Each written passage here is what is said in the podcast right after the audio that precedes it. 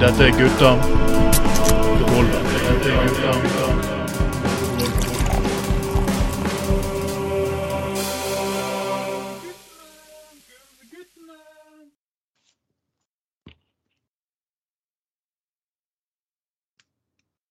Kongen er kuken, kong... Nei, folkens, dette er Gutta på gulvet, sending nummer 24. Og nå er jeg tilbake etter en eh, lang sommerferie. Det er sending 24 for herrens år 2022. Vi er Bak en lang sommerferie. Og med meg, utenom meg, Trond Atte Tveiten, så er jeg med meg Anders Åh, det är Anders Lindell. jeg er epidemiläkare. Nå skal jeg leke din epidemiske kuk, Trond Vatten Tveiten. Ja. Åh, Jag ska den faste gjest i din sending nå fra nå och helt frem til eh, jul. eh, tycker. Eh, Ska vi epidemere og infiltrere det Og meste? penetrere. Og penetrere. Og jeg skal epidemere og analysere. Å, oh, oh, ja, ja, ja. Eh, Nei da, det, det er nok ikke det. Det er eh, bare Anders Skoglund her igjen som har klart å eh, dra seg gjennom en ørken av eh, norsk høyfjell og dansk lavland i sommer. Men nå er vi tilbake igjen og klar for litt mer Litt mer gutter på gulvet, altså. du har pult. Hæ? Du har pult. Ja, jeg har nok det i sommer. Jeg kan faktisk på at jeg hadde Jeg har eh, vært, i- jeg har, jeg har vært i Finland. Finland. Oh, ja. Jeg har faktisk vært. Jeg, tatt, eh, jeg gjorde faktisk, eh, Vi leide faktisk leilighet med badstue. Og jeg har hatt ereksjon i Finland. Jeg har hatt ereksjon i Norge. Jeg har hatt ereksjon på flyet fra Finland til Norge. Oi, oi, oi, oi. oi. Så, Men vet Aurora hun var seks rader foran meg på flyet, så det er nærmeste ereksjonen min faktisk har vært Aurora. Det- var- Var det, tilfeldig at det var seks rader mellom eh, Ja. ja. OK? Så nå vet vi det. Og med oss i det virkelig har vi eh, kjente onanisten som vi måtte eh, For å få han til å komme først, så måtte han vente kvarter inn for å lage den podkasten her, nemlig Trond Knutsen. Vær så god, velkommen skal du være. Jo, tusen hjertelig. tusen hjertelig. Du vet hvordan det er med oss som jobber med laks og sånt. sant? Så det Ja, det er jo alltid det må- noe det må å dra lakser og ja, poleres og fjerne skinn og ja, you know. Fjern. Hvordan har sommeren din vært, Knutsen? Jo, den har vært eh, egentlig eh, for så vidt bra. Men eh, som sagt, sist vi hadde sendinger, var vel jeg forholdsvis nyoperert. og Jeg har fortsatt eh, Fortsatt er jeg litt sånn eh, redusert pga. operasjonen. Jeg er sydd fra hofte til hofte. Det er trippelt keisersnitt. nærmest. Har du fått noen morsomme rusmidler da? du kan ta i mellomtiden? Ja, de rusmidlene var dårlige. Jeg fikk, jeg fikk 20 Paralgin forte rett etter operasjonen, og så fikk jeg en resept på et par til. Så nei, det var dårlig. Det var dårlig. Men, jeg har vel, eh, men når det gjelder rusmidler, så har jeg jo vært veldig mye ute og, og, og, og engasjert meg på narkotwitter og rundt om. Ja. Så det, det gjør jeg jo stadig vekk. Det er jo, jeg, er jo, jeg er jo styremedlem i Tryggere ruspolitikk og, står jo på der. da. Ja, ja, ja. Ja, nei, det syns jeg er viktig. Ja, altså Rusreformen jeg, Og jeg syns jo, jo det at ja, alle gjør en god jobb der. altså De forskjellige organisasjonene på dette feltet og, og, og disse brukerorganisasjonene. Og også blant psykologer, leger. altså Vi er jo en god gjeng. Og jeg tenker at før eller siden får vi rusreformen. Ja, Og så det er jo jeg inn, og noe så jeg ødelegger brenner det er forsikring. Jævlig engasjert i, altså. Det må jeg si dere. Det, det syns jeg. Og det syns jeg er noe vi skal snakke om i podkasten nå innimellom. Altså. Selv om det blir kanskje mye. Men eh, mye av det. Men jeg er veldig for, og jeg, regner, jeg vet jo at dere er det. Jeg mener en mann fra Venstre og en mann fra MGD. Det er jo klart at dere er enige med meg, så det er jo Vi, udiskutabelt. vi er veldig for uh, rusreformen. absolutt. Altså, det er, og ifølge Bjørn Thorsen så får vi snart på tide med KUS-reformen òg. Ja, men det, det, det, da, Tenk når alt dette går inn, da. Hæ? Ja, går inn. Ja, det- Gi oss et par- det går inn. tre år til så er vi der. Rusreformen og KUS-reformen og hele pakken, altså. For et liv. Ja, da, da blir det Boogie Nights, for å si det sånn. Da. Spille litt av en uh, Ja, Ukes det- Weekend, så ja, ja. Jo da. Nei, så jo da. Som sagt, jeg har det etter forholdet bra. Jeg har vært én uke på jobb, Ja. og nå skal jeg begynne ny jobb. Da, bare for å nevne det. Så nå skal jeg eh, rett og, ja, jeg skal begynne på en annen båt, så jeg skal begynne å jobbe på Island. Så 17. august reiser jeg til Island og blir der en måned. Det blir jo spennende.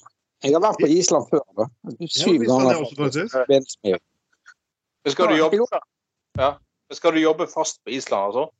Ja, denne båten, denne båten jeg skal jobbe på, er liksom, hva skal jeg si, stasjonert på Island. Så jeg flyr Jeg skal ikke seile over havet, det har jeg gjort før mange ganger. Det var grusomt.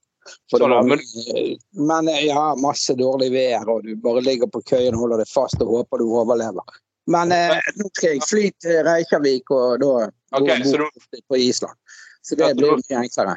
Altså, du må fly eh, tur-retur i eh, Reykjavik, da, for å Ja. Men eh, Ja. Mm. Ja, Men, eh, nei, Det er jo ikke så bra sånn miljømessig, og siden jeg jobber opp mot laksenæringen. Men jeg, jeg må jo si at den næringen forsvarer litt, da, siden jeg eh, jobber der, selvfølgelig. Men jeg syns det er viktig å påpeke at de er, bruker veldig mye De tjener penger for all del, disse oppdretterne og disse her brønnbåtrederne og alle disse her som jeg jobber for. Men samtidig så bruker de jævlig mye kroner på, og, på utvikling og på disse lakselusene og sånn og sånn. Så jeg skal jobbe på en båt som bl.a. behandler fisken for lakselus. Og den behandler vi i ferskvann. Rent vann. Ingen kjemikalier, ingenting. Sant? Så det er, jo, det er jo bedringer. Og verden trenger mat, så jeg tenker det at da kan man, altså, da kan man jo like godt spille på lag og prøve å påvirke og være en del av greien som gjør ting bedre. Eh, Jeg har ikke noe mot det. Jeg bare, bare sier det at eh, Du kan ikke bare si til en næring at vi er så flinke til å gjøre ting, derfor skal det ikke stille krav til oss. Det er det jeg sliter med. Nei, på ingen måte. Og det er ikke næringen selv som skal få bestemme hvordan den utviklingen skal foregå. Nei, nei, nei. Det er der problemet ligger på. Og, problemet er at De er ikke så glad i å betale skatt. Vi kan si at Veldig mange bidrar til det norske samfunnet, men jeg kan ikke frita dem for faktisk å betale rettferdig del av skatten sin for det. Så lenge de forstår de tre tingene, så er vi absolutt på lag. og jeg synes De, de skaper sinnssykt mye bra i samfunnet, men jeg kan si at jeg gjør en vanvittig god jobb for samfunnet. Nei, men jeg burde ha jobba for å tjene 150 000 skattefritt i året. Det er ikke sånn verden faktisk eksisterer. Det er bare litt feil. Som sjømann så har jeg faktisk sånn, noe som heter sjømannsfradraget. Jeg husker ikke hva det er. Jeg tror jeg, tjener, jeg kan tjene 80 eller det er i underkant av 100 000 også av min inntekt som jeg eh, får rett inn som netto fordi jeg er sjømann. Det er en liten sånn, Før hadde du noe som het sjømannsskatt. Da betalte sjøfolkene sånn jeg vet da faen, jeg, 15% skatt. Men i dag har du noe som heter sjømannsfradraget. Men, men det er jo en annen sak. Men det er jo Det har jo ikke med det du gjør. Men ja. Nei, den næringen er jo da Jeg, skal ikke skryte av alt, for det, det, stikker, det griser i alle næringer. Men eh, de, de Ja, med saken. De har mye penger, og, de får, og, og markedsverdien er jo viktig. Sant? Og det har vært jævlig mye negativt. Ergo så ser jo denne næringen det. Derfor bruker de mye penger på forskning og bla, bla. Sant? For, å, for å fremstå bedre. bedre. Og det, det gjør de jo faktisk, i forhold til bare for få år siden. Jeg begynte å jobbe hadde, ja. eh, for tolv år siden, og da det er helt andre tider i dag.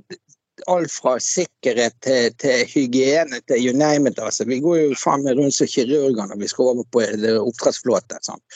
Eller på disse flåtene, fòrflåtene. Det Bjørn Tore vet jo det at laksen må være og grei skal du liksom kunne få eh, At det ikke Ja, nei, skje jeg det skade. så ser jeg Det er jo- sko, tropp, lam, alt. Bare Ja, ja. For over på en sånn fòrflåte. Og, ja. Så jo da. Nei, men han, ja. ja. Nei, jeg hadde øh, Bjørn Magne som også redaksjonsmedlem, hørt alt det snakket om, om avlusing, så han er på ståkuk. Han er- jobber jo med vet, han er jo i havforskningen, han. Ja, ja, ja. Så, ja det. Men, men øh, jeg tror Bjørn Thor Olsen, Bjørn Thor Olsen Productions også er ute etter en eller annen metode for avlusing kun ved bruk av ferskvann. Ja, Eh, Det er sikkert være bra. Han har vel mye utslett pga. kjemikaliene etter avlusing. Ja, nei, altså eller en eller annen eh, miljøvennlig måte å rett og slett uh, bekjempe eh, kjønnssykdommer på, tror jeg han er veldig uh, uh, Det er hans bidrag til det grønne skiftet, for å si det sånn. Ja. Eh, Ja, men eh, vi, vi kan alle bidra. Jeg kildesorterer, og jeg, har vurdert, jeg skal investere i kompost, noe sånn kompostgreier. Og, ja, kompost. Ja, det er viktig, det. Ja, jeg, ja, jeg forsøker å spise mindre kjøtt og mer fisk. og vegetar med en vegetarmiddag i uken. og det er sånne ting er, Det er viktig, altså. Det er viktig, det, altså. Eh, og, og sånt. Men eh, du, du, sist gang sa du denne operasjonen du snakket om, her, det høres helt jævlig ut. Men du sa at du hadde flyttet navlen. Men måtte du flytte kuken òg? Ja. Nei, den, den heldigvis. Men vet du hva? Det var jævlig vondt. For rett over, rett over både kuk og baller og alt dette her. Ja. For det første, så det var jo for så vidt bare Det var jo, det var jo bare Kanskje det var toppen av hele greia. Jeg måtte, jeg måtte rake meg på baller og hele underlivet før den operasjonen. Og det var jo, ja, når det vokste, begynte å vokse, nå når det vokser litt, så klør jo det så faen. Men jeg gikk med to drenrør like over, uh, like over snoppen. Og langt opp i magen. I åtte eller ni dager. Og ned i sånne stomniaposer, sånn som disse med utlagt tarm. Og der gikk det det og, og, og rant av blod og væske og dritt. Og så måtte jeg på butikken, det var tom for snus. Ingen var hjemme, jeg ville ikke ut. Sant? Det var gått noen dager, og jeg var ganske bakpå. Men jeg hei, jeg lånte bilen til min sønn, som for øvrig kjører elbil, det er også fornuftig. Kjører ned på butikken og skal kjøpe meg en boks snus. Da går jeg altså med to sånne Stomnia-poser i en, i en eh, Rema eller Kiwi-pose full i blod, mens jeg handler, handler noe Pringles og et par Cola Zero og to bokser snus. Det var jo ganske fornøyelig å gå på butikken i den tilstanden. Men i dag er jeg bedre. Jeg har vært en uke på jobb. Jeg var sykemeldt i fem og en halv uke, eller hva faen det var. Vært en uke på jobb, og, eller åtte-ni dager på jobb, og nå skal jeg da som sagt begynne i ny jobb for uh, Sølvtrast, og et brønnbåtrederi fra Ålesund, som uh, ja, Hva sa du? Sølvtrans? Sølvtrans. Det er faktisk verdens største sånn Sølvtrans. Sølvtrans, er det et nytt selskap til RuPaul Productions? Ja, det, det, jeg kunne jo Jeg burde jo istedenfor pride med den der. Sølvtrans på brystet og i Michael Jackson-drakt. Og moonwalket gjennom byen. Godt, godt voksne transvisitter. Sølvtrans. Det så sølvrever er sølvtrans. Ja, ja, men helvete, gutter. Jeg er blitt både grå i håret og grå i skjegget, så det passer jo utmerket til meg. Ja, ja, ja. Og skjegg i rassen. Eh, Det har ikke jeg sjekket. nei, du har ikke det? Eh, Altså det skjegget. Nei, jeg har ikke giddet å begynne med speil og greier, bare for å se om det òg blir grått. Men jeg regner jo med at når resten er grått, så er det vel det der òg. Det, jeg fant ut det forresten, vi må, vi må ut en liten gratulasjon. For i dag, eh, eller når jeg lager denne sendingen her, så har vi akkurat eh, Bybanen eh, fått nå et nytt stopp på i Fyllingsdalen. De har tatt prøvekjørt den for første gang. Og det er ikke vanlig at jeg pleier å gå inn i kommentarfelt, men det er sånn noen ganger så vet du hvordan du skal manipulere kommentarfelt. Du kan Ja, si 'gratulerer med Bybanen'. Ja, det høres ikke bra ut. Men hva hvis du putter inn en liten ekstra bit? Så jeg fant ut egentlig hvordan jeg skal få dette her til. Så jeg skal gratulere med Bybanen, Fyllingsdalen, Bergens stolthet. Og selvfølgelig, da er det alltid veldig mange som putter likefjes altså sånn latterfjes bak. Mm, mm. Og jo flere som gjør det, jo flere andre putter liker på for å få det opp. Mm. Og selvfølgelig da får du jo spredd budskapet ditt til langt flere, for det dukker opp i feeden til vanvittig mange mennesker. Og Det er helt utrolig at disse faktisk idiotene, kommentarfeltidiotene ikke har skjønt at det eneste de fuckings noensinne har gjort for meg med å putte disse latterfjesene på, er å skape et nytt nettverk med mennesker. og faktisk flere supportere. Så usually, du kan jo ikke altså disse, disse menneskene skal egentlig være i livets harde skole og kjempe imot deg. For, for egoet deres det er så svært at sier du noe som de ikke liker, så de, uansett om, de, om, du, om du vinner en Om jeg vinner ti millioner i Lotto på det, så klarer du ikke la være å si noe. Det er jo, det, jeg skjønner deg. Det er, jo, det er jo det som er mitt problem. Jeg klarer ikke la være å kommentere sånne idioter. Bybanen er jo det mest geniale. Det er jo det mest geniale. Det som jeg har som en greie, det er Jeg liker jo han eh, Trond Tystad, når vi snakker om Bybanen. Jeg liker Trond fra gammelt av. Jeg kjenner han litt og er venn med han både på Facebook og treffer han på Dannevann. Men jeg, jeg kjøper ikke dette Bergenslisten eller Bergenspartiet. Altså. Jeg tenker at vi må jo bare få disse bybanene opp og gå fortere enn faen. Vi ser jo hvordan verden går, og alt går i dass nå. Jeg har snakket om Trond Tystad bybane mange ganger. Alle vet jo at han ble kastet som byråd for Arbeiderpartiet.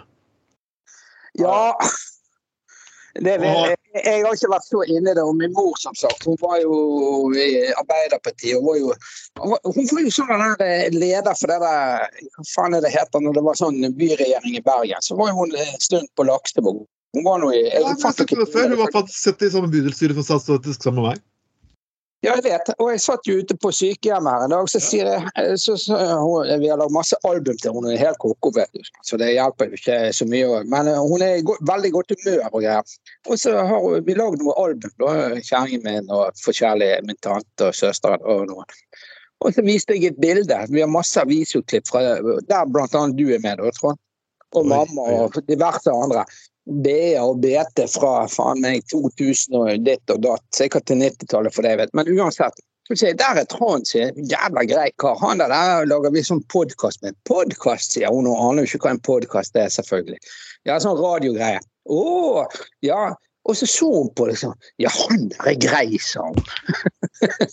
det må jo være en god greie, da, for en dame som Det var jo ikke det var jo til og med at demente mennesker opp, som alle mennesker er altså, husker, husker til å huske meg. Da må jo faktisk det være håpet for det. Og ja, vi, for eksempel, folkens, min kampanje for å bli valgt inn i bystyret, uansett hvor jeg står på listen, den står klar. Og vi kommer til å ha veldig mange morsomme podkaster framover med på sånne ting, syns jeg. faktisk. Men folkens, jeg er bare nødt til å, å ta en liten ting. For at eh, Anders, vi vet at vi har diskutert summetonen mange ganger før. Ja, ja. Eh, og jeg, jeg, jeg kom, det er ikke ofte jeg leser det, Jeg gjør det veldig sjelden, men den summetonen er bare så jeg var hysterisk. Den heter 'Aldri mer'. Jeg skal lese den som et ledd. Aldri mer buss. Og første gang på 30 år måtte jeg ta bussen på jobb fordi bilen sto på verksted. Bussturen gikk med Kyss sine busser. Eh, rettelse. Kyss er det en som fuckings kjører busser. ja. Jeg må si jeg er glad jeg skal tilbake til bilen etter én uke med buss. Man kan jo ikke slappe av siden høyttalerne stadig maser om hva neste stopp er. Jepp. Og at der ennå turen. Harde som stein. Min rygg har ikke godt av det. Og så bare kommer siste setning som jeg gjør at jeg vet at dette er Terje Høgom. Takk og pris for dieselbilen min. Setet var bedre før, og turen tok kortere tid. For det første, turen tok ikke kortere tid, vi hadde ikke så mange tunneler og bruer før. Eh, Nei. I, i, I tillegg så hadde du ikke sikkert like mye smerte for 30 år siden som du har nå.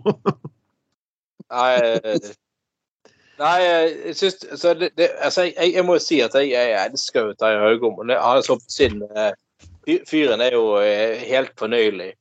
Jeg er jo ikke, er ikke enig med noe det han mener, men han, han er jo han er, han er jo bare han er jo en helt nydelig karakter. Ja, ja, ja. Er jo Jeg har ikke fått med meg denne summetonen. Jeg pleier å lese B. Jeg har til og med nettabonnement så jeg kan lese på jobb, men eh, jeg har ikke fått med meg akkurat denne. da. Det fantastiske med Terje Haugum er hans kamp. Jeg husker en tid han hadde kamp for telefonkatalogen. Ja da. Det var et kulturprodukt. Du skulle nesten tvinge folk til å motta telefonkatalogen.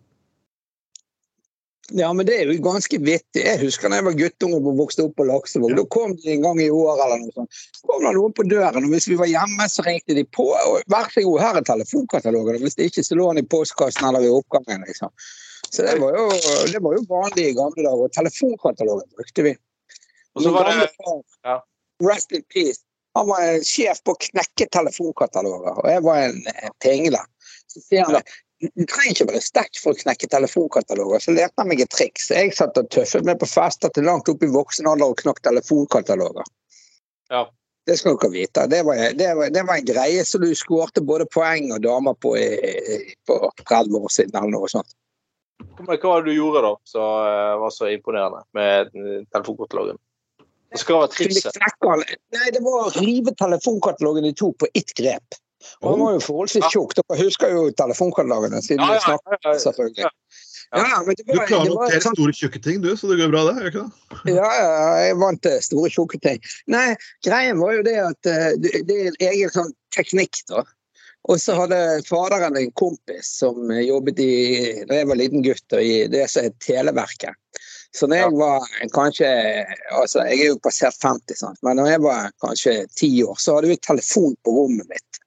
Det er jo en historie, for det eh, av sted kom en eh, vanvittig brøler fra min side. For mamma lyttet en gang på når jeg snakket med en kompis, men det er en annen sak. Og fortalte om både drikking og puling og røyking og gud vet hva vi hadde på med. Men greia var i hvert fall er at eh, vi, vi, hadde tilgang på telefonkataloger, så av og til sto det masse telefonkataloger en eller annen grunn hjemme hos oss. Og Gamlingen lærte meg å rive telefonkatalogen i to med ett grep. Og når du er 10-12-14-15 år Jeg vet ikke om jeg hadde fikset det i dag, da, men eh, kanskje. Det var en eller annen sånn teknikk han lærte meg. Og så bare reiv vi ett et sånt grep, og da var telefonkatalogen rett og slett revet i to. Kanskje han hang litt ute i ene permen, men det var, det var, det var liksom Ja. Ja. Jeg husker det var det, det var denne svære, tjukke telefonkatalogen, og så var det distriktskatalogen. Det var mye tynnere. Det var sånn, det var sånn eh, inndelt i bydel eller område. Ditt distrikt. Ditt Ja, distrikt. distrikt. Ja da. Sogn og Fjordane og Møre og Romsdal. ja. ja, for den, den, var, den, var, den, den var etter bydel og kommune og sånne ting. Den var, den var litt tynnere og lettere å finne frem i. da. Um, ja, det var Det var, det, det, var tid. Nei, jeg husker eh, vi bodde en gang i, i, et eh, borettslag eh, på 80-tallet. Det var eh, da det gamle Televerket og de, de eh, Før dette var sånn markedsliberalisert, så husker jeg måtte gå i en sånn telefonkiosk og å ringe. Så fikk moderen og faderen vite at nei, for, for at vi skulle få til en telefon, så måtte noen, noen med telefon dø først. Oh. De hadde, jo, men de hadde bare et visst begrenset antall abonnementer. Sant?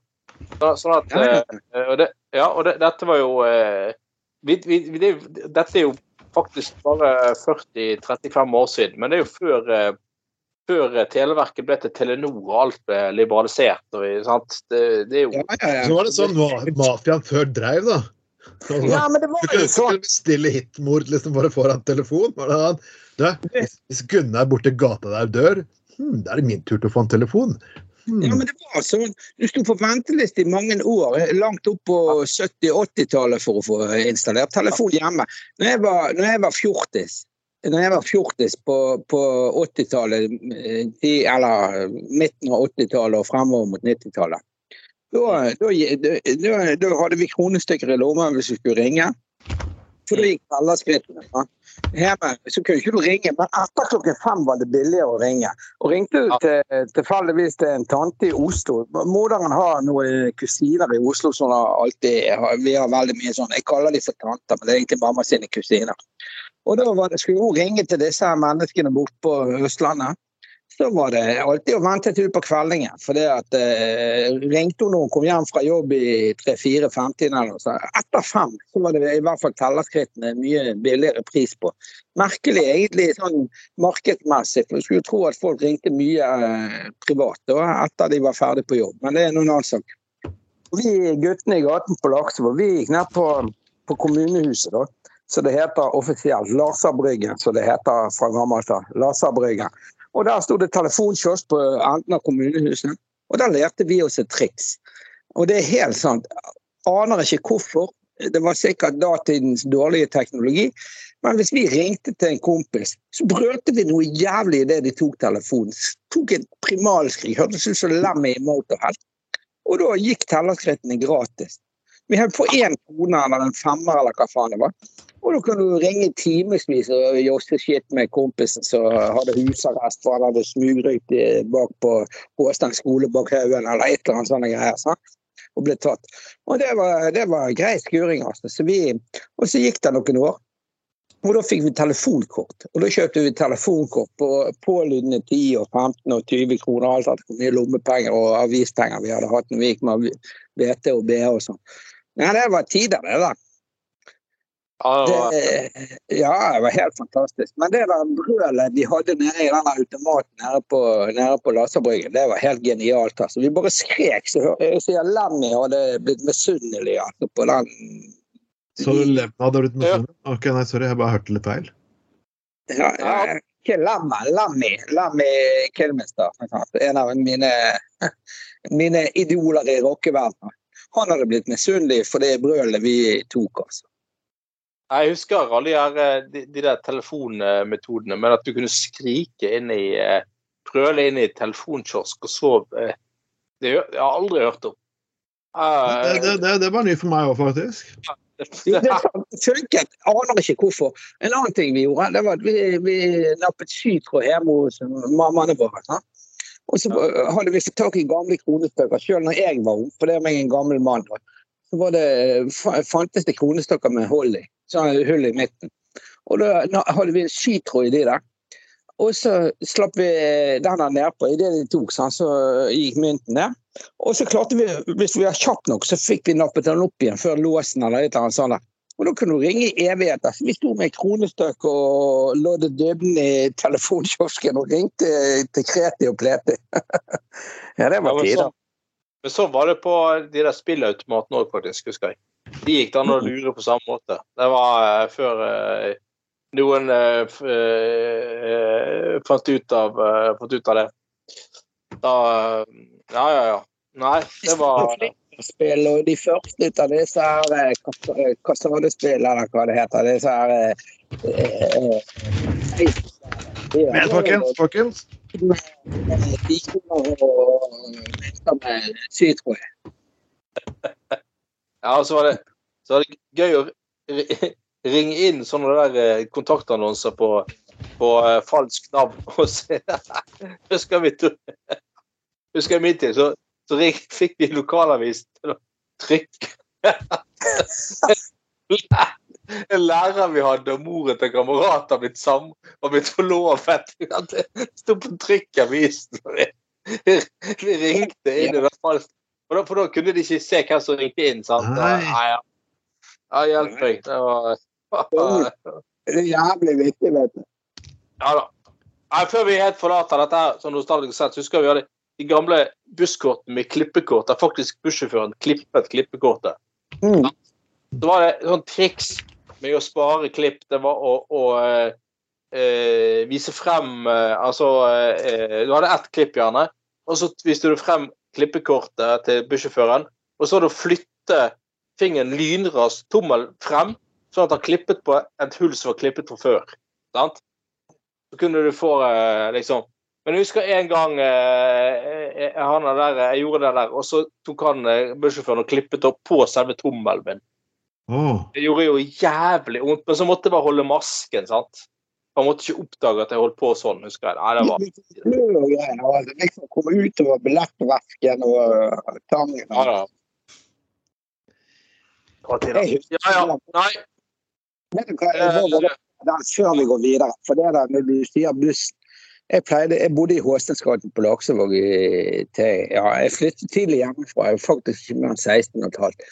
Men uansett. da Jeg begynte i lære. Det var ikke noe dårlige forhold. Jeg hadde gått hjem og alt det der. Men det var bare tilfeldighetene og, og omstendighetene. Men poenget var i hvert fall at jeg kom på bussen. Jeg gikk på ungdomsskolen ute på Håsten på Laksevåg. Og så kom jeg på bussen, og så hadde jeg eh, begynte å få litt fjon under naien. Så jeg skulle, skulle kajal, eller hva faen det heter, av moderen. Så hadde jeg pyntet barten, og den ble ganske mørk. Det var sånn eh, Clark Gable-bart. Sånn. Så kommer jeg på bussen, og så sier jeg barn, eller hva faen, jeg tror jeg gikk på 14 eller 16. Jeg er Sikkert på 16. Og så var jeg, jeg, jeg gikk på HST-en i åttende eller niende. Og Den gangen hadde de røde, rosa eller rødrosa bussbilletter for ungdommer og grønne for eh, voksenbillettene. Og jeg kommer og ja, barn skulle på kino på KP, eller Engen kino, eller i Sentralbadet, i senteren som består for å bade. Og så i hvert fall så betaler jeg med en femmer eller tier, hva faen bussen kostet den gangen. Ja, denne kan du dra lenger ut på landet med, du er voksen fikk jeg en grønn billett. Den billetten tror jeg jeg gikk med i lommen i halvannet år. Og hver gang jeg kom ned til gutta i gjengen i Bukoppslokalet og rundt om på Laksevåg, så var det liksom ned og finne et par kronestykker, et eller annet i lommen. Stadig kom det opp en grønn billett. For det, da hadde jeg betalt boksen på bussen. Det var jævlig stolt. vet du. Det gjorde meg ingenting å betale fem kroner mer. Ja. Da var jeg konge. Ja, ja. Men folkens, eh, Anders, du har et mysterium som du må fortelle om. Ja, det var eh, litt en stund siden. Eh, Dildomysterium, ja. Oh. Vi omtalte vel det før, tror jeg, på en tidligere sending, hvis ikke jeg er helt oppdatert der. Eh, Det er rett og slett en, en som fant hjemme hos svigermor eh, eh, eh, det som ser ut som en sånn heklet dildoform. Oh. En fallos. Altså en, en, en Fallos. Ja, det som en, det er sånn heklet, det ser ut som en heklet kuk, rett og slett. En Eh, kuk. Ja, Mm. Så, eh, så, så eh, Ja, ja, ja. Uh, eh, Inni denne heklingen. Jeg mener, ellers har han blitt ganske slakk. ja men, men, men nå har det visstnok eh, kommet en forklaring om at eh, Nei, dette var bare noe eh, de heklet før for å Så de trakk over sånne der eh, blomstervaser og sånne ting. Men altså, her, altså Eh, vi, vi, har, vi, har diskutert historisk bullshit før, Anders. Det er sånn herre Å nei, det het fittemyr, kukmyra, men det betydde egentlig noe helt annet. Det betydde eh, Eller som professor på Universitetet i Bergen sa, nei, det var bare en gjeng gammel folk som lagde grisemål. Se på de greiene der. Det der er en kuk. Ja, og det er jo Veldig, det er en kuk. Ja, og det er jo, det er jo, en, det er jo, en, det er jo en, sikkert vært en perfekt måte i sin tid å, å, å, å skjule en dildo på. ikke sant? Ja, Ved å hekle trekk til å kunne liksom Ja, det er en vase, dette her. Yeah, right. yeah, right. Eh, Dette rosene fra min mann. Ja, det, det er ikke testikler på siden der, det er bare noe som gjør at den skal stå stødigere. Ja, ja. ja, ja, ja. Yeah, right. Det er også driver og Eiffeltårnet har jo eh, habilitetsgreier og sånn. Altså, ja, det er det. Ja, ja. ja. Eh, Det her, er- det her er så fuckings avslørt. Det det er, altså, vi vet egentlig hva det riktige er for noe. Utenpå gulvet avslørte hele greia. Ja. Vi kan si det er trekte blomstervaser og, og, og, meda- og pokaler og hva de vil, men vi skjønner hva det er. Og Norsk Husflidslag, de, altså, de, altså, de trenger jo ikke å være altså, de, de trenger jo ikke å være um, skamme seg. Hva skal de skamme seg for, liksom? Jeg, Nei. Ja. Nei, jeg mener det er jo en ærlig sak å, å, å tilfredsstille seg selv. For Ja. å si det på litt sånn pent bergensk. Nå snakker jo ikke jeg pent bergensk, da. Men poenget er jo det. En god runk, det, det er jo noe alle gjør. Ja. Jeg mener Ja, det er jo ærlig. Og jeg håper jo det at damene nyter det akkurat som oss mann. Ja. Egentlig. Ja, underlig det, altså. Det er jo det er, jo, det er jo rett og slett fett. Hvis ikke du har andre muligheter. Ja. Nei, men nå kommer vel sikkert òg Altså, nå blir altså, blir, nå Etter hvert så blir jo kuken til Bjørn Tore Olsen òg kunst. Ja. Da blir det sånn, da skal alle ha det, liksom. De skal ha liksom en sånn eh, Alle folk som er sånn bevisst på kunst og interiør, de skal liksom ha en Bjørn Tore Olsen.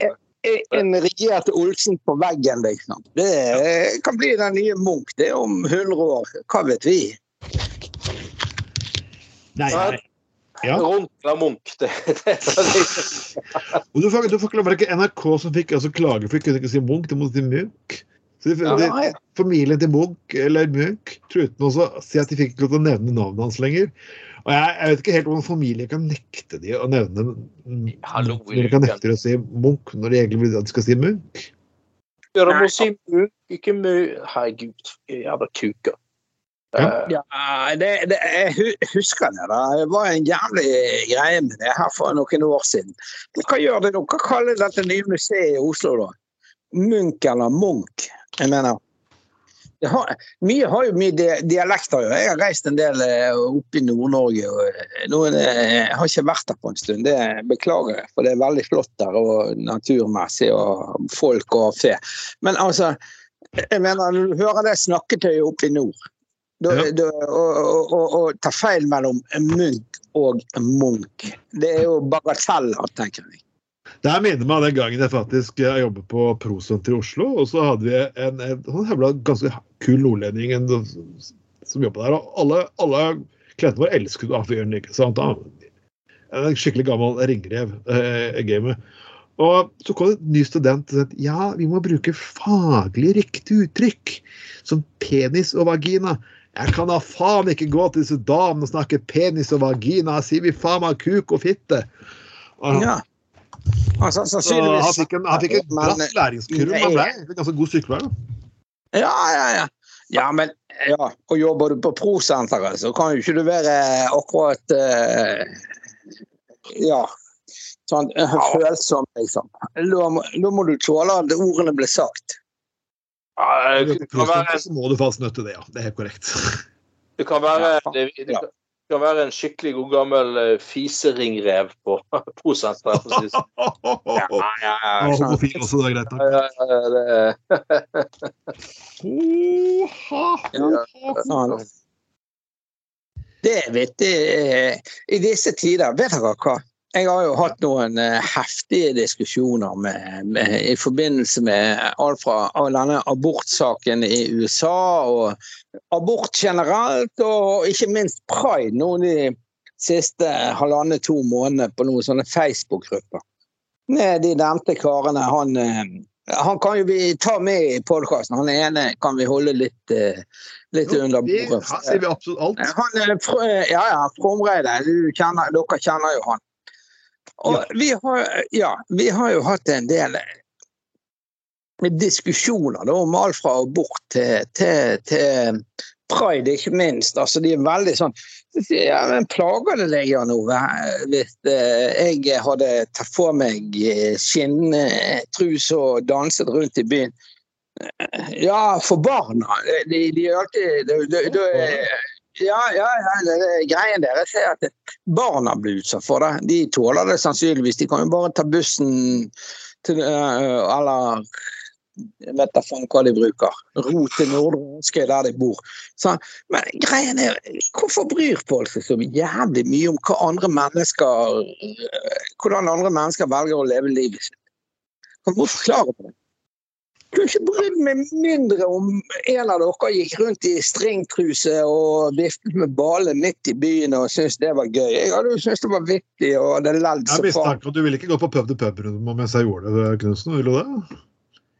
Nei, jeg bare et troll som Jeg, jeg hadde gått på første runde hvis du hadde gått i sånn eh, cowboy Hva det heter de der som cowboyene bruker? De der skinngreiene og så reven bare, Mm. liksom. Nå snakker Ja, altså, ja, altså For meg må du bare gjort det. Jeg har gått forbi med deg. Jeg du syntes det var vittig. Jeg har ledd meg fordervet og syntes det var jævlig gøy å gå med en kompis og uh, var så sprø. Det hadde jo vært konge, det. Jeg mener, Folk må jo få gjøre som de vil. Faen heller. altså. Jeg ble så forbanna på sånne galninger. Ja, jeg blir det. Jeg måtte bare få det ut.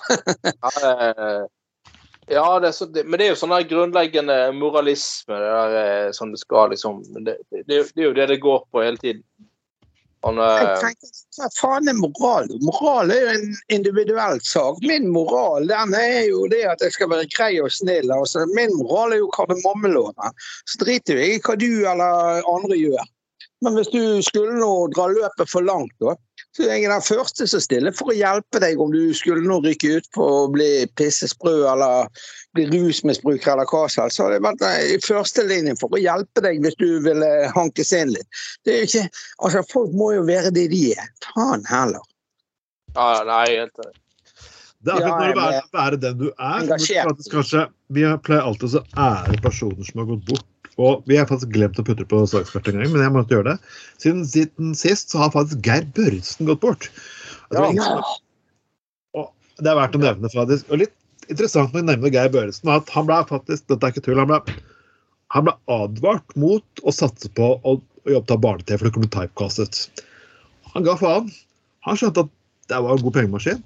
Og han, han var den første som virkelig kjørte Før MTV eh, Sky Channel så tok han importerte smurfene. Og han fikk masse kritikk for han tok opp å kjøre barnesang og var så kommersialisert fransk produkt. For nå, I dag så er det ingenting, for nå gjør jo absolutt alle det. Nå har jo NRK gjort det, Men han gjorde det her rundt 1979-1980. Så var det faktisk en, en greie. Og ja. Genial. Den mannen var jo helt topp. Jeg husker jo Smurfene. Jeg hadde en sånn Ja, ja, ja. Og så av gårde kåren. Det er jo fantastisk. Jeg hadde jo smurfefigurer da jeg var guttunge. Det var jo kjempegøy når Geir Børresen var på, på, på barne-TV. Hva faen var det het da? Med hun Vibeke Sæther og gjengen. Var Lekestue. Lekestue. Det var jo genialt. Det var jo de beste. Han var til og med inne i labbetuss. Da mener jeg han var eh, Labbetussdrakten var ikke Ja, ja, ja. ja. ja, han var han ikke, Ja, han var ikke sånn til labbetuss. Det- Det er, det er jo en mann som løper rundt flere år på TV og hopper rundt i hundekostyme. Du kan ikke ta deg selv så veldig tidlig. Jeg, jeg, det er jeg eh, vet dere hva? Gjennom arbeidslivet i restaurantbransjen og rundt omkring, så har jeg vært med på å arrangere alt fra festivaler og fete konserter og møtt storheter innen underholdningsindustrien eh, opp gjennom årene og, og sittet og må ærlig innrømme det på denne podkasten. Røykt alt fra marihuana til drukket brennevin med alt fra ja, den er, Jeg vil ikke nevne navn for å Kom igjen nå. På poenget her er i hvert fall at han Geir Børresen er en av, de få, en av de få av mange jeg ikke har møtt. Og han tror jeg hadde vært jævlig fet å møte. Det var veldig trist at den mannen var andre. Han var jo genial. Han var jo Ja. helt Ja, nei, ja. Ja, ja, ja, ja. Og han var forut for sin tid, definitivt, som Trond sier her. Mm. For en fyr. Så, folkens, all ære for Geir Børresen. Han Han har jo både Både Ja. utover vår podkast og utover alt. Men jeg tror han har blitt da. Han fikk mye gode ord nå når han vandret. Jeg leste mye om han. Bra mann, altså. eh, han var jo inne i både Labbetuss og Max Mekker. Å si. Det, det, det, det, ja, nei, nei, nei, men altså eh, Man har vært inne med kone de siste 25-30 årene, da. oh, Oh. Nei, men, eh, men eh, eh, nei, lekestue, det er jo noe eh, Bjørn Trolsen kan plukke opp. og ah. i, i det, det, ny- det nye swingersklubb-konseptet sitt. Det, og, eh, det kan jeg jo eh. Men når vi først er inne på, eh, før vi går videre, eh, folk som må hedres og, og sånn eh, Geir Børresen selvfølgelig, hvil i fred, som du sier, som er Ja. stor personlighet. Men av alle ting så har det jo eh, kommet frem med det siste at eh, Ole Ivar skal legge opp, Oi! Endelig! Ja. Ja, nei, jo. Det altså, musik musikalsk sett jeg er helt enig med deg. Men altså, eh, men, altså Ole Ivars har jo eksistert siden 60-tallet. Uh, og selvfølgelig har de byttet ut vokalist og, og, og sånne ting, men en del av besetningen er faktisk original. Og, jeg, altså, og det, dette er jo en type musikk som jeg personlig overhodet har ikke noe forhold til i det hele tatt. Jeg har aldri, aldri hørt på Ole Ivars mindre jeg har overhørt det på TV eller et eller annet. Eller aldri vært på noe Olivas Ole konsert eller eh, dansegreier. Kunne aldri tenkt å gå på det i det hele tatt. Dansegalla. Ja, nei, dansegreier. Altså, det er helt noe for deg. Ja, sant. Nei, aldri i det hele tatt. Men altså, det skal de ha, de Olivas. At de har, eh, altså, det er jo tross alt veldig mange vanvittig mange mennesker de har gledet opp gjennom tiden. Ja, ja. Selv, selv om ikke vi har noe sans for uh, musikken eller uh, sånn, så er jo det Og, og, og jeg, jeg, tror, jeg tror ikke de har eh, Selv om de har fått det til å gå rundt, liksom, så har levd av å være Oliver, så jeg tror ikke de har hatt det sånn smellfett økonomisk heller. Så, Ja, eh, faen, det er akkurat på det som du sier med det økonomiske. For det er et annet band som veldig mange digger. Så jeg leste om, Det er lenge siden jeg leste, muligens i, i dag er jo ingen Altså, når jeg var ung, så gikk vi på så gikk vi på Apollon og på Liset og på uh, disse uh, platesjappene og lyttet og hørte musikk. Sant? Vi hørte på Maiden og Motorhead og Kiss og you name it. Sant?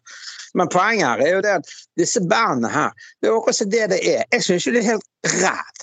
Jeg syns jo han der Brøndbo skulle altså, Mannen er sikkert en hyggelig fyr, jeg kjenner ikke fyren. Jeg, jeg har skrudd på meg litt her. Jeg, møtt- jeg kjenner og har møtt jævlig mange kjente mennesker i Norge, men akkurat det det er, har jeg aldri aldri verken møtt eller vært på en eneste konsert med, men jeg har jo hørt låtene deres. Jeg syns jo det er helt ræv. Jeg synes jo det er helt, Men jeg skjønner jo, det er jo nesten som Vassendguttene. Sånn. Altså, selv jeg, hvis jeg ble drita full på et nachspiel, kunne jeg sikkert begynt å danse når Vassendguttene spiller. forresten, eh, jeg, må tilstå, jeg har vært faktisk vakt på en dobbeltkonsert med Vassendguttene og, og Gunslingers. Ja, men Og Gunslinger jeg kan jo og jeg, og jeg, Nei, hysj, nå må jeg snakke ferdig med Godemann. Det er ikke noe jeg unner andre vektere. Men uh...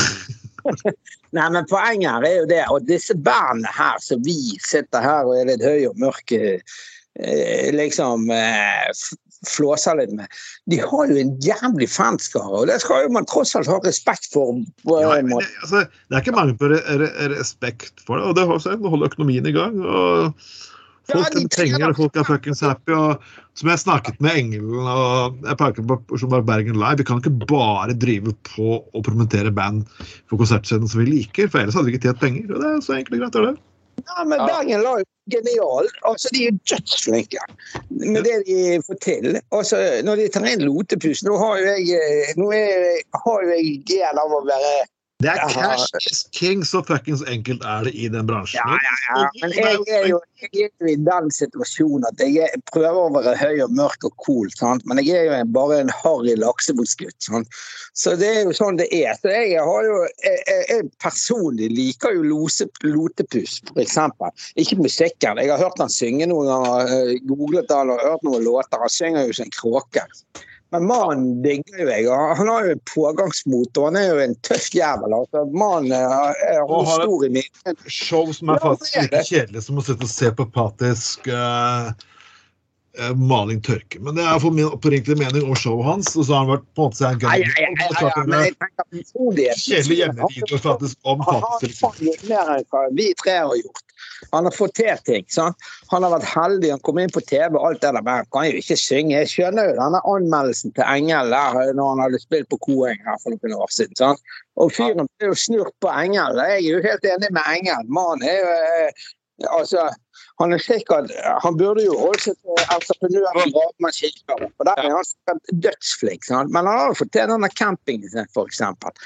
Så jeg sier folk er folk, og vi må jo, vi må jo respektere at folk er annerledes enn oss òg. Så Ja, lenge ja. de er kule, i hvert fall. Jeg mener, se vekk ifra han der Frommisen og den gjengen der, for de er jo Ja.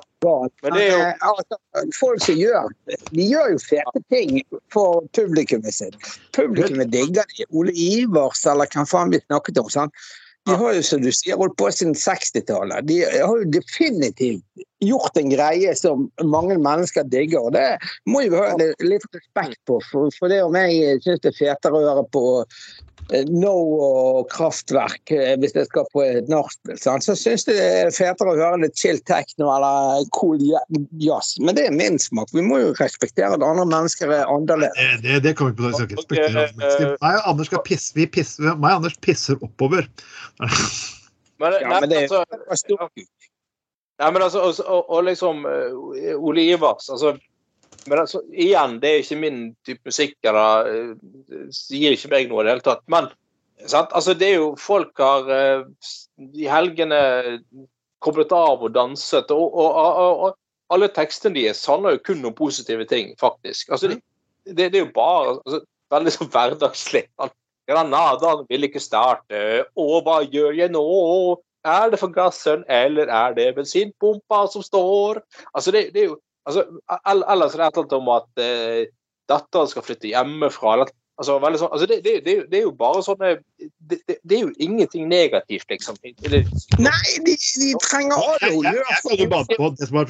Bjørn Tore Olsen hadde liksom da tatt og sponset den siste avslørsturneen sin eh, til Ole Ivars. Så kunne hatt Ja, buttpluggen min fra Tore Production glir som en svampe da, da, da. og, og, og, og liksom det, det, Dette er jo altså hardt arbeid. Jeg så selvfølgelig en sånn reportasje om de for noen år siden. liksom han altså er, er trommis i Ole Ivars fortalte at han, han, har ikke, han har ikke vært verken i konfirmasjonen til sønnen sin, i bryllupet hans, i dåpen til ungene hans. altså Ingenting. Altså Dette her er liksom hardt arbeid fra torsdag eh, kveld til søndag, liksom. Og det, jo, men sant, det, ja, ja, men jo, jo, men sant, altså og, og, og som sagt, det har liksom, de har hatt en grei årslønn på det, men de er jo faen ikke rike, liksom. Og, eh, og, og, og de, har, de har jo De ekstra du Nei, snakker om. og- Ja, og, sant? og det, jeg mener, de har gjort veldig mye for å ofret veldig mye for å glede andre mennesker, da, med en musikk som ikke vi har noe forhold til. Det er greit nok, sant. Men tusenvis av mennesker i Norge og i Skandinavia som liksom er Og derfor hadde også fint sånn teamet opp med Bjørn Tore Production. for Det har vært den beste dobbeltpenetreringen av norske folk som nå hadde skjedd. Nei, men helt. Jeg var en gang, eh, jeg var en gang på et party og møtte Gune Rudberg. sant? Altså, Mannen er jo ultra, fremstått som ultrahard. Han var jo jævlig grei å sitte og ta seg en øl med og masse shit med. Fyren var Jeg husker, bare, jeg husker med Rune Ruba, det var broren min etter, på første juledag en gang. Var litt, alle var litt brisen hos tanta mi. Fant ut at vi skulle søke opp pornobildene til Rune Rudberg. som hadde blitt lagt ut. Ja, har hjertet. ikke trynet på ansiktsuttrynet når eh, tanta mi fikk se Rune Ruberg fikk en dildo opp i nummer to. Men eh, Jeg husker jeg lå Det, det, det lå eh, i sånn ca. to timer eh, for 15 år siden usladet på internett. Ja. Jeg, Altså ung dame som kjører en sånn dildo opp i rassen på han, men, men så hun driver og runker han samtidig. Fy faen, altså. Det lå eh, jeg var bare Rune Rudberg, når det sto på. Jeg tviler faktisk ikke et sekund. Ikke fordi jeg får- har noen preferanser til det eller har lyst på å få en dildo i råsen. men altså Mannen hadde jo det gliset. Det var jo sikkert dødsdigg for han der og da. Det var bare kjipt at det ble fotografert og det ble så mye styr for hans del. Men jeg mener, fyren har vært tatt for eh, sant, uh, Pusha cola og amfetamin i naien og la-la-la. Og har eh, flere unger enn eh, Ja. Men mannen var jo jævlig hyggelig når jeg satt på et nachspiel og preiket med. Han var jo verdens hyggeligste fyr. Sant? Og det er sikkert Ole Ivar som vi tross alt eh, snakker om her. Det Nei, eh, skal på faktisk- og de gir jo på. Mm. De gir noe til folk. Ja, de gir til folk, akkurat som Bjørn Tore Productions. Så En som faktisk har gitt mye drit til det norske folk, som vi skal ta opp nå, er jo faktisk jeg, ofte, vi har, Før husker jeg Anders, vi tok og brukte avisen Dagen stadig vekk til, eh, til det en av teknikerne våre ble litt lei at vi bare diskuterer kristne aviser. Men en Ja. person som vi ikke igjen husker på de første eh, rundturene våre, det var jo Envold Flåten. Han husker du, Anders?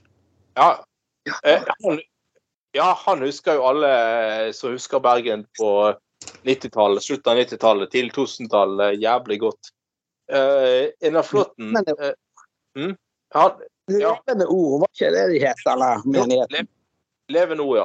Levende Nord var jo et imperium med egen skole og videregående skole og barnehage og barneskole og ungdomsskole. Det var ikke grenser for det.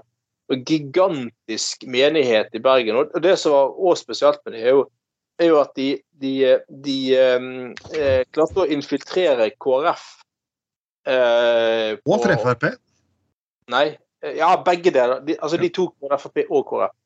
Eh, så de, fikk, de, fikk, de klarte jo å få eh, De bestemte jo langt på vei For deler av sammensetningen av bystyregruppen til både Frp og eh, KrF. da. Eh, og, da og det var voldsomt. Og til, til, og med, til og med Rødt prioriterte jo å stille på den der debatten. Leve nå på Bøne. Hvis vi trekker trekke ned glidelåsen og runker Hvem er det som driver og runker. Chips, eller? Nei, jeg.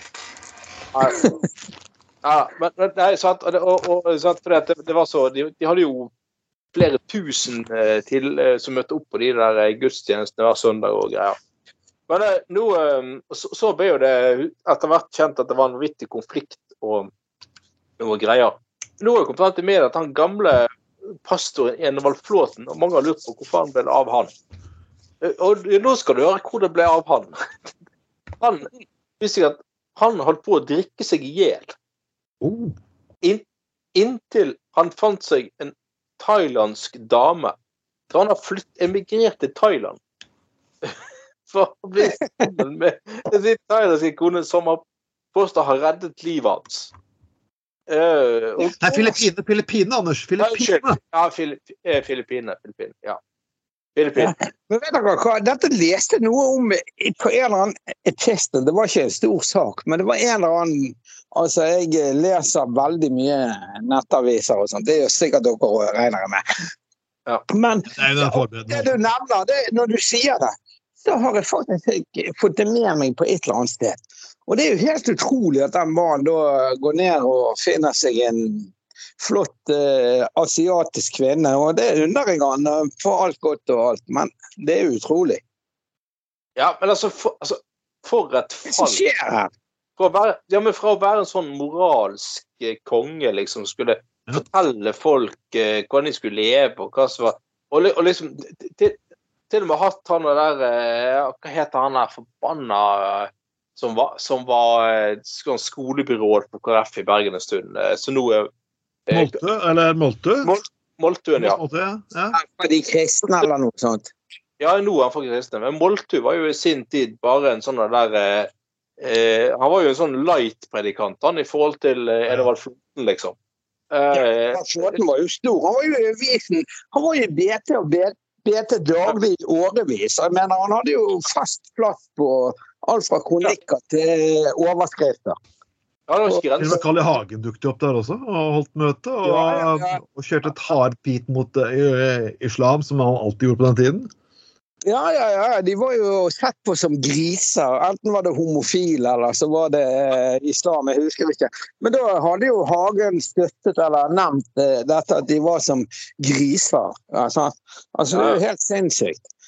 Ja, ja. Svi, da. Men noen Vet dere hva som er så jævlig gale? Det er jo faktisk sant det at enkelte mennesker de er på den greien. De mener det ærlig og oppriktig at om du er homo eller trans eller muslim eller hva faen du er, så er litt sånn utover det vanlige, så, så er du altså en gris eller du er gal eller du er psykiatrisk pasient eller gud vet. Det er helt sinnssykt. Hvorfor folk bare får være det i det, da? Men det, dette, dette, er, dette er problemet til folk som eh, som, eh, som, eh, på dødelig ikke skal bruke noen form for rusmiddel eller skal leve så veldig. Sant? Altså, poenget er at de- de må utagere et eller annet sted, Ja. de òg. Jeg kan fortelle dere en ting. Eh, Det kan jo ærlig innrømme på denne poden her, det er så lenge siden. Jeg kan ikke bli injuriert eller arrestert. Det er ingenting, Står jeg er jo injurerende. Er. Vi har faktisk vi har mistet podkasten radioshowet to ganger, så vi er, vi er ikke injurerende, meg, Anders. Vi har alltid, vi har alltid sparket oppover, ikke sant, Anders?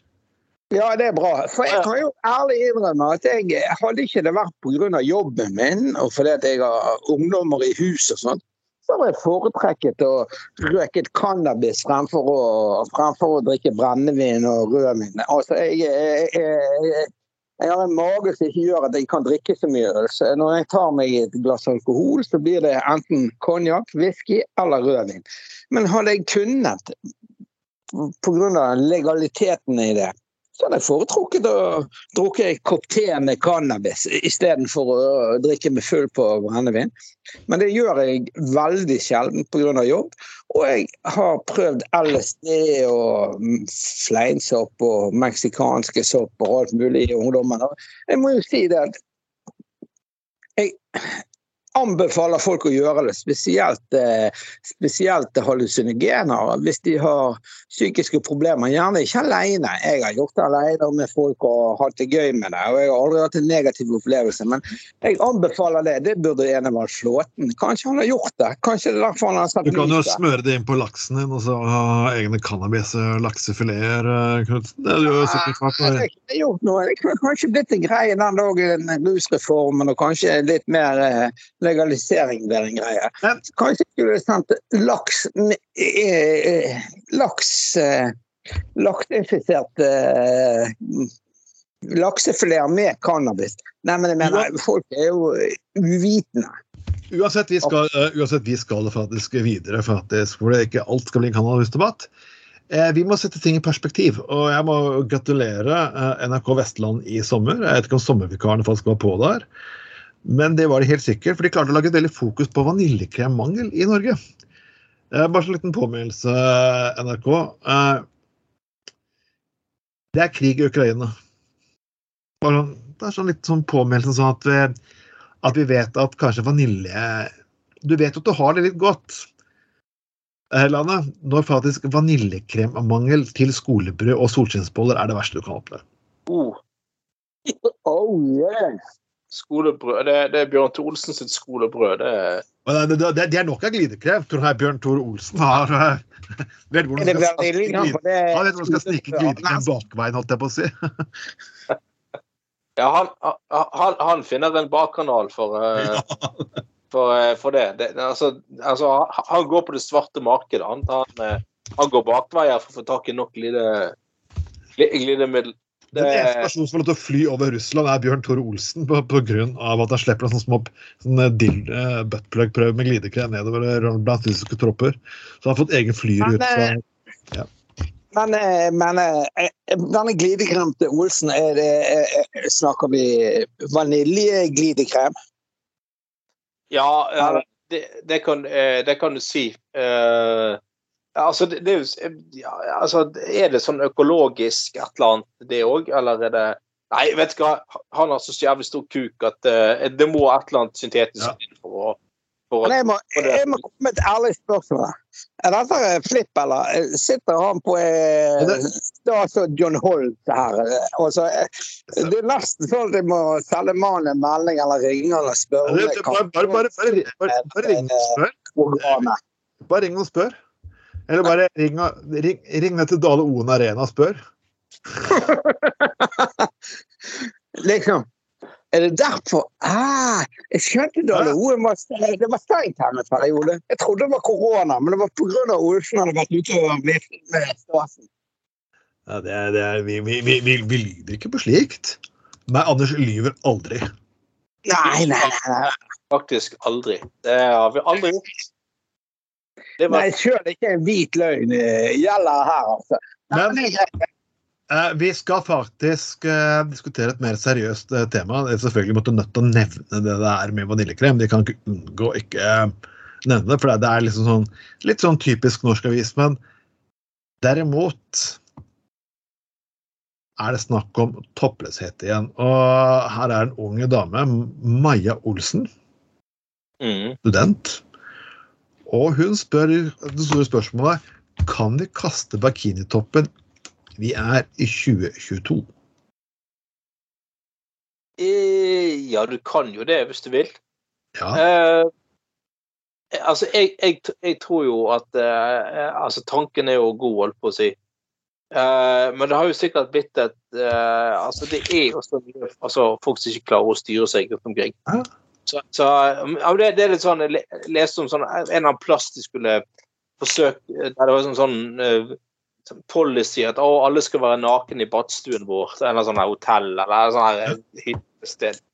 Altså, jo da, altså det er jo fordi nakenhet er så naturlig og bla, bla, bla. Ja, det kan du si, men sant, det er jo Det skal jo ikke mer til enn en eller annen som har drukket fire øl i baren først, og så skal de sant, Og så blir de jo sånn der Å, du snupper, jeg ser at du ser på meg på den måten, og her er kuken min, liksom. Nå, nå kutter vi et par ledd her, og så, eh, Ja. så bare smeller jeg utstyret rett på eh, i, i, i, eh, Rett på de glødende steinene her, liksom. Da, eh, eh, altså, det, det, det er som sagt det er, Tanken er god, men at, at man nødvendigvis er veldig klar for det, folk flest, nja Jeg vet nå ikke helt, altså. Vet dere hva?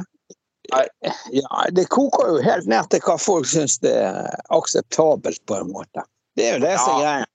Det er jo det som er greien. Det det, jo da, altså, sant nok. Men, men men vel, altså, det, er, det er ikke det at det er uakseptabelt heller, er altså, for all del. Men, men eh, Folk er, Vi snakket om en av Flåten. sant? Altså, mulig han og han har flyttet til Filippinene og funnet seg igjen. At han syns det er greit å vifte med, med, vifte med køl. Men faen heller. Folk er forskjellige. Jeg er for min del blir ikke sjokkert av så mye, så for meg må folk gå naken midt i byen og jeg syns det er vittig, eller flirer litt, eller tenker opp ja, det er hans greie eller hennes greie. Sånn, Men det er ikke alle som er sånn som oss. Det eneste greiene her jeg har å si, det er at Jeg er egentlig veldig glad at ikke alle er som oss. Jeg er egentlig veldig glad, bra at det ikke finnes kopier av meg. Jeg tror ikke jeg hadde holdt ut med en person som var akkurat sånn som meg. Det tror jeg hadde vært vanskelig nok. Ja, men det er sånn, det, det er sånn, det er sånn altså, Men det, det, det, det, det er litt sånn å si liksom, å, hvorfor skal folk Hvorfor skal folk reagere mer på puppene mine enn på pappa sine, sier hun. Jo, altså Jo, altså, du har jo selvfølgelig prinsipielt helt rett i det, men det er nå engang sånn at eh, folk reagerer faktisk faktisk annerledes på puppene til en 22 år gammel dame versus en eh, 55 år gammel mann. Jeg, beklager, altså. Det, det, det er en viss forskjell likevel, uten å høre sånn moralistisk Har du sett puppene mine? Vil du se de? Jeg tenker du har blitt imponert, altså. Jeg mener en mann på en mann som passerer 50 sånn som meg, og med de puppene jeg har Ja. altså, Men du er jo eh, Du er jo sånn der plastic fantastic. Du, du driver jo og flytter på kuk og navle og eh, rass og Nei, kuken henger. Men vet dere hva som var jævlig greit? Han ser, han ser faktisk større ut. Gjør det? For det, ja, altså jeg, jeg, jeg, Ja, nå skulle kona di høre på den sendinga her. Men kuken Ja, det- er større. Du må, du må høre om hun du må høre om hun syns det sånn. Ja, nå må spørre din kone om, hun- om, eh, om, hun, om hun, hun tenker det samme. Eh, faktisk ser, eh, ser større ut. Jeg, eh. For Han har ikke nevnt det, da, men eh, for meg føles det bedre. Muligens fordi jeg ser han bedre. da.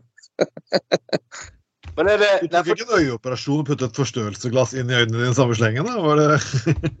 Ja, jeg har litt sånn med synet, så jeg har fått både lesebriller og syn for langsynthet. Jeg er veldig glad for ikke å ha fått briller for trangsynthet. da. Det... Det finnes jeg definitivt ikke, da. men kan du Altså, nå, nå, nå har du, du Du har ikke blitt fettsu, eh, fettsugd, sant? Du har ikke Eller? Nei, du har ikke det? Nei. Jeg har blitt sugd, ikke fettsugd. Du har rett og slett operert meg i magen og dratt vekk overflødig hud. Og så har de lagd ny navle, og så har de visst flyttet på noen muskler etter sånn doktoren sa. Og det eh, Ja. Det Helvete. var en ganske ubehagelig følelse, spesielt de første to-tre ukene. Det var jævlig vondt, for å si det rett ut. Fikk du flyttet på lukkemuskel òg, eller?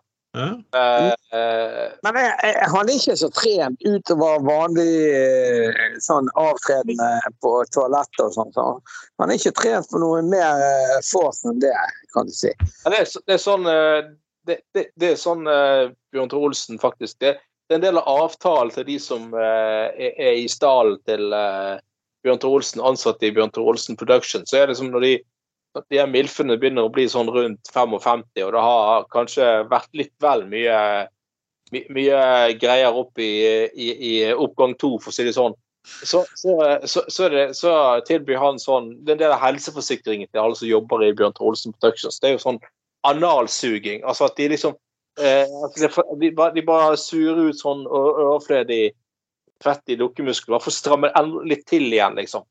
At det strammer seg litt til igjen i, i, i rektum, så er det liksom eh, så, så er, så er Svanhild tilbake som eh, topp Einon Mulf eh, eh, igjen.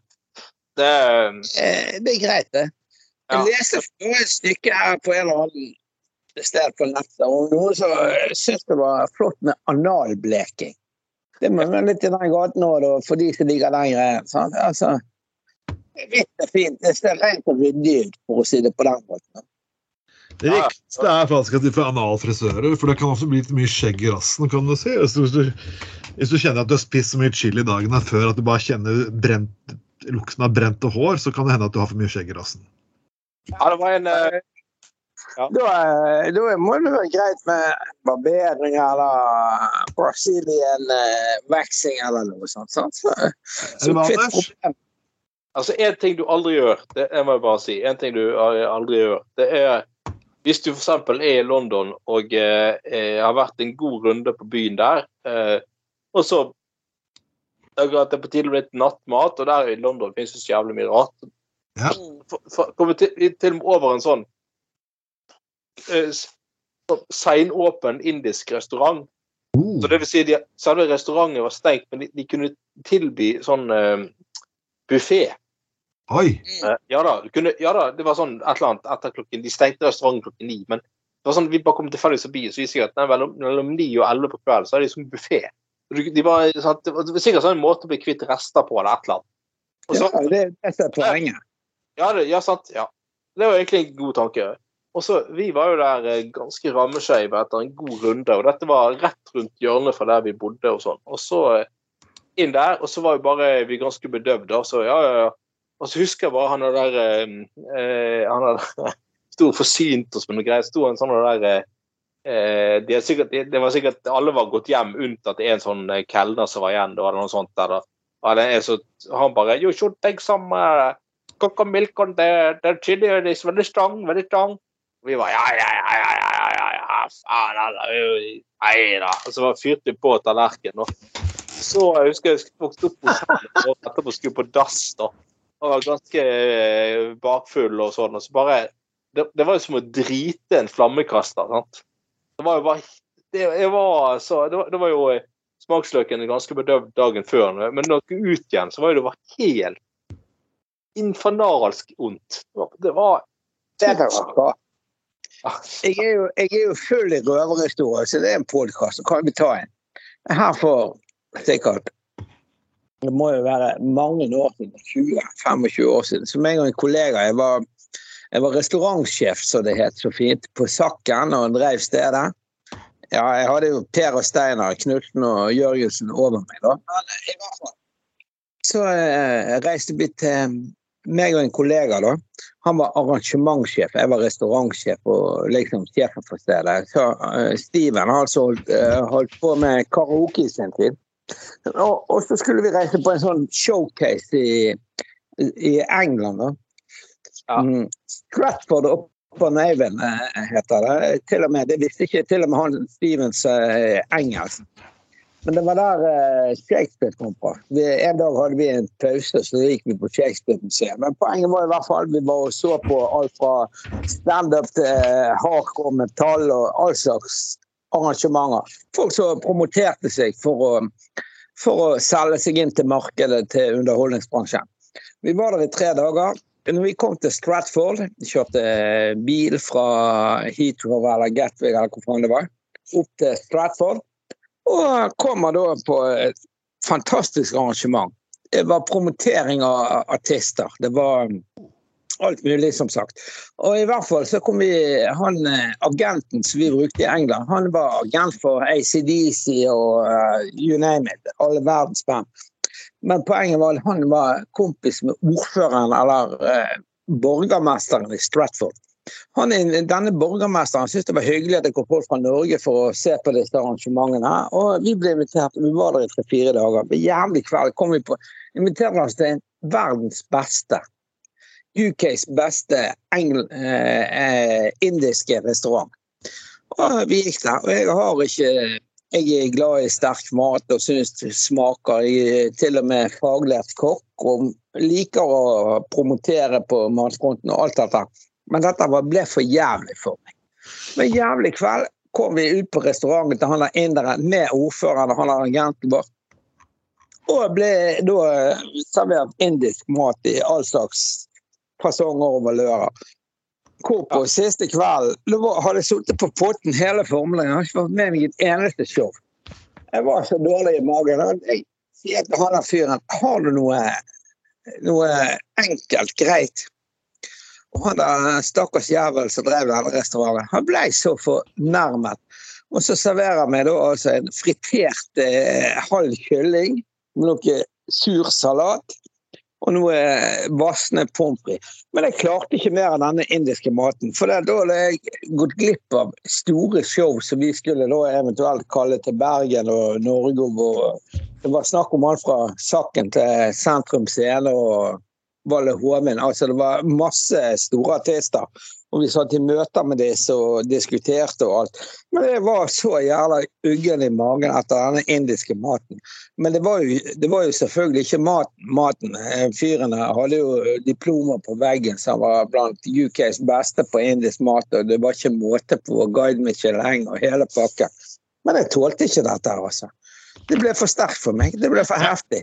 Jeg husker En gang så husker jeg meg Anders hadde drukket tett. Vi satt i den gamle leiligheten på Damas plass. og så Min bror hadde gitt meg noe som heter Satans Nuts. Ja. Jeg bestemte jeg skal gi en god munnfull. Jeg må ta litt sånn peanøtter, da, Anders! Og så var utover hele da, jeg ikke, Du var så forbanna. Jeg tror jeg hadde sett deg så forbanna på meg. Så det var, ja, det var jo det. Du aldri igjen! Ja, det var det. Satt inn med ja, jeg vet ikke. Bjørn Tore Olsen og diverse.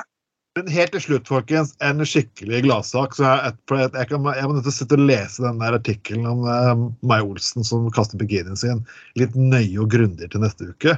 Studere bildene ganske nøye. Jeg kunne research. Kunne research. Nei, uansett, folkens. Uh, helt til slutt. Uh, det der er jo selvfølgelig Dagbladet igjen. og det er Ingrid Treborg igjen. Jeg, jeg mistenker det er Ingrid Treborg, det er bare et pseudonym for noe helt annet. Eh, ellers så får Ingrid Treborg lov til å bolte seg ganske fritt og ha det moro i Dagbladet. For hvis jeg kan skrive en artikkel, få betalt for å skrive artikler som disse greiene her, da hadde jeg hatt det kjempegøy. Hun skriver nemlig om en mann på akutten med plystrende pung. Altså, hva, er unnskyldningen da? Liksom, du kom på gata. Plystrer etter meg, eller? Det, det, sorry, det er pungen min. Det, det, det er pungen. Det sånn Nei, det, sorry, jeg holder på kjeften, så det er pungen! Det er pungen som plystrer. Ja, det, det, det høres ut som sånn der, det vet hva det er, det høres ut som sånn der manus til en Bjørn Tore Olsen-film. Ja. Ja, det, å, det er det kuken som plystrer til deg. Kanskje noe for det. Det, det, er ikke syngende detektiven, så er den plystrende pungen. Alt jeg på å si. Det, det, det, kuken min klarer ikke å styre seg. Det, er den som plystrer etter deg. Å, nei, det, er ikke meg, liksom. Nei, nei. Jeg er helt uskyldig i det hele. Oh. Ja, det, er... ja, men det, det, har ikke dere hørt det, da? Det er jo en av de, det er jo det hotteste pornoet på tiden. Det er jo Olsens plystrende punkt. Ja. Og så bare, altså, Det er jo den som har mest likes og seere og you name it. Altså, det er jo Olsens plystrende punkt. Den hotteste filmen på porno for tiden. Har ikke fått med dere det?